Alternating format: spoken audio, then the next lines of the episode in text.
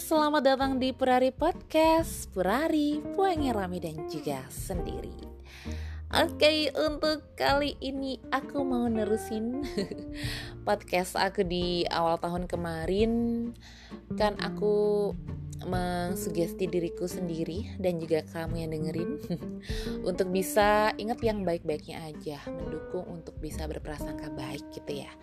Oke, kebetulan aja tadi di jalan aku ingat sama dua guru SMP ku. Guru yang pertama, beliau ini adalah salah satu guru yang menjunjung tinggi yang namanya kebersihan. Kenapa bisa ingat seperti itu?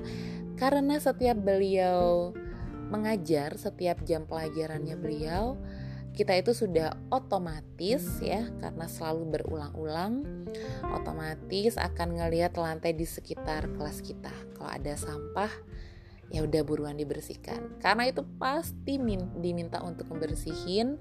Kalau udah bersih baru deh kita mulai belajar.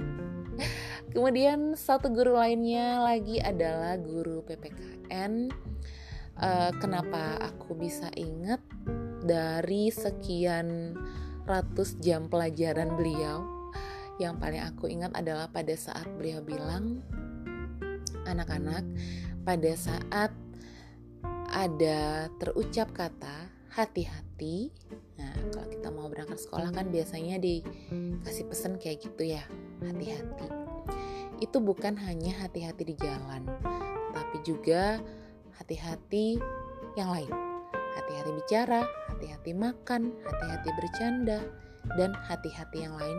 Hati-hati selalu ada. Aku jadi nggak tahu ya, aku ingat aja gitu.